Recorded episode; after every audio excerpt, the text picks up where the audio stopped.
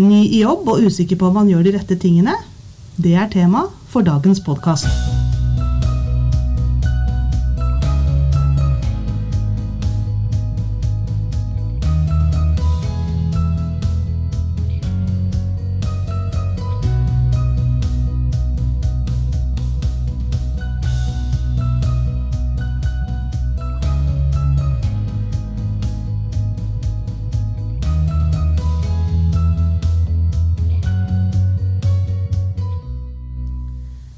Hei!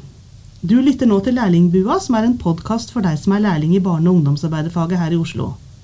Jeg som snakker nå, heter Hanne Enger Jensen, og som vanlig har jeg med meg kollegaen min, Gro Blomdal. Vi har fått en mail fra en av de nye lærlingene våre som skriver at hun er så redd for å gjøre feil. Eh, Og det å kjenne på den redselen på å skulle gjøre noe feil, det er det nok mange som har kjent på når de skal starte med noe nytt. For man vil jo gjerne kunne ting med en gang. Og det første jeg tenkte på når jeg, når jeg eh, leste den mailen, var at det er jo sånn at ingen kan gjøre alt på første forsøk. At man må prøve om og om og om igjen. Eh, og jeg tenker, vi har begge vært nye mange ganger i jobber, Grå. Det har vi. ja. Og har kjent på den redselen sjøl, kanskje.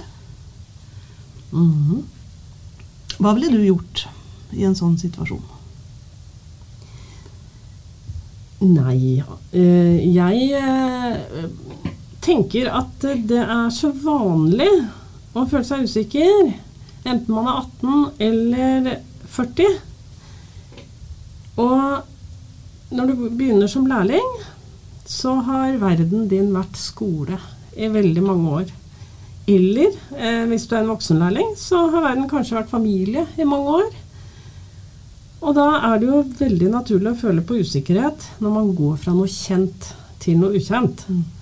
Så selvfølgelig, det å bli kjent fort er jo eh, fint, men er det sikkert man klarer det? Jeg tenker at man har en støtteperson der ute. Ja, da. Den som man har fått som instruktør eller, eller veileder. Og det er liksom kanskje å starte med å snakke sammen om hvilke forventninger man har til hverandre. At det er en, en veldig god start. Altså hva, eh, hva kan du fra før? Eh, hva har du lyst til å prøve deg på? Hva, hva, hva syns du er vanskelig? Hva, hva gruer du deg til? Hva gleder du deg til? Eh, det er litt viktig. For hvis man liksom fremstår som veldig flink, så kan det hende at man får oppgaver man føler at man ikke takler, rett og slett. Eh, også liksom snakke sammen om hvilke oppgaver som bør vente. Eh, mange av de som jobber i barnehage, har kanskje kjempelyst til å ta en samling. Det virker lett, men det er egentlig en ganske vanskelig oppgave. Så den skal man kanskje ha vært observatør til noen ganger før man kaster seg ut i det. Og kanskje ikke med alle de voksne på avdelingen til stede samtidig heller. Nei, og der er du jo inne på noe som er veldig viktig, å være observatør.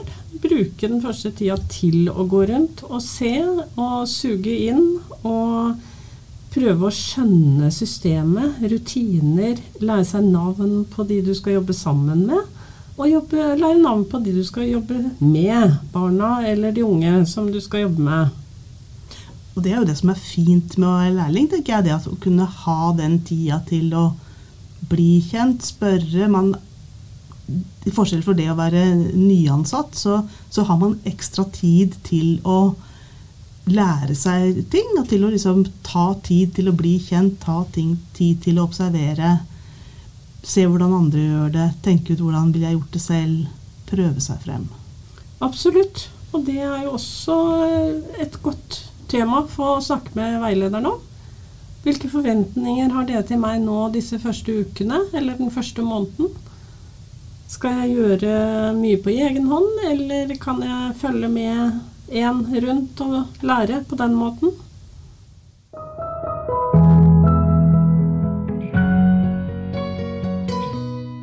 Hvordan takle denne usikkerheten? Og da tenker jeg at eh, det kan være lurt å bruke usikkerheten til noe positivt. Hvordan da, tenker du?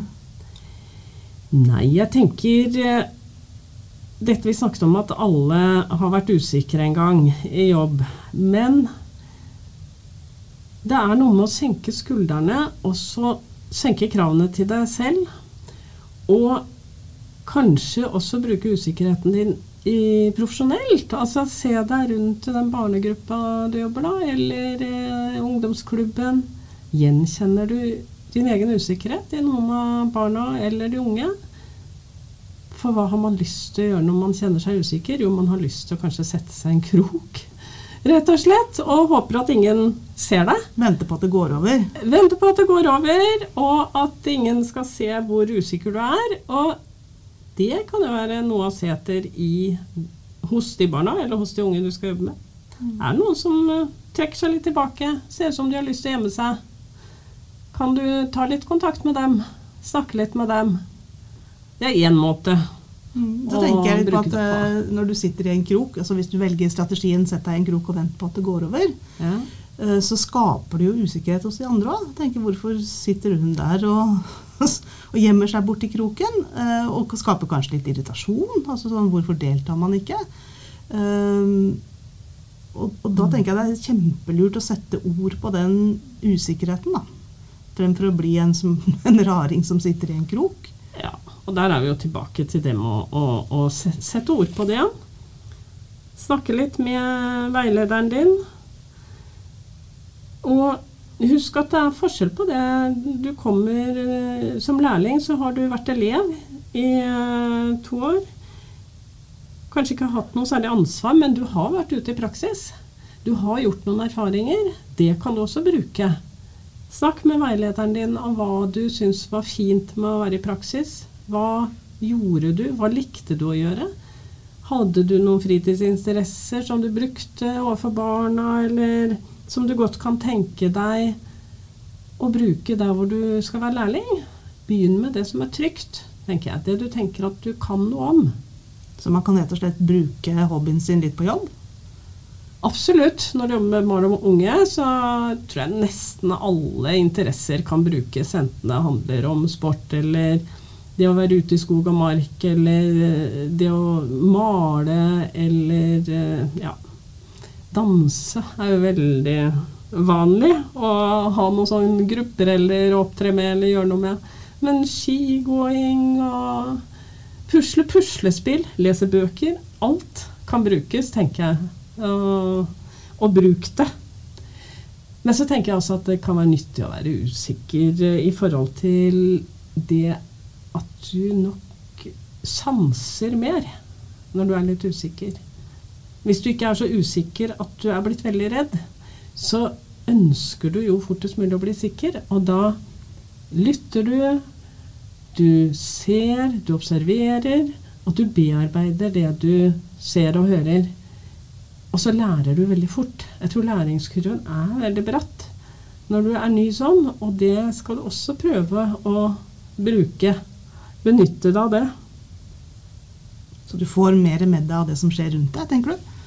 Ja, det tenker jeg. Fordi eh, det å være usikker eh, altså en, Det er jo en form for ubalanse. Og er du i litt ubalanse, så ønsker du balanse. Dvs. Si du ønsker å bli sikker. Du ønsker å bli trygg.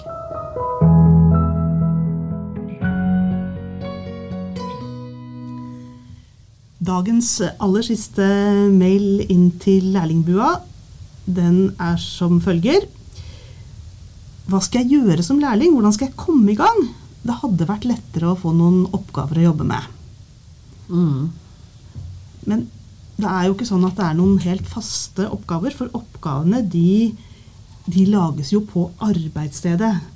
Det er liksom læreplanen som er oppgaven i seg sjøl, da. Da er rådet snakk med veilederen din og sette av tid til veiledning hver uke. Ja, det er viktig. Og så må man lage en plan.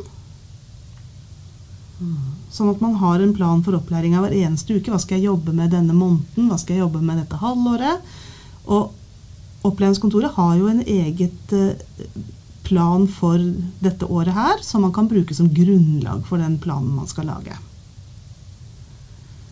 Og så tenker jeg Man kan jo også be veileder om å få noen små oppgaver da, hver dag, så det er litt forutsigbart og man vet noe man skal gjøre. i hvert fall.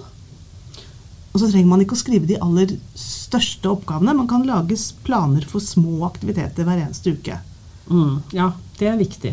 Og husk at det trenger ikke være stort. Husk at du finner støttemateriell til denne podkastepisoden i OLK. Og vi tar gjerne imot innspill og spørsmål til podden.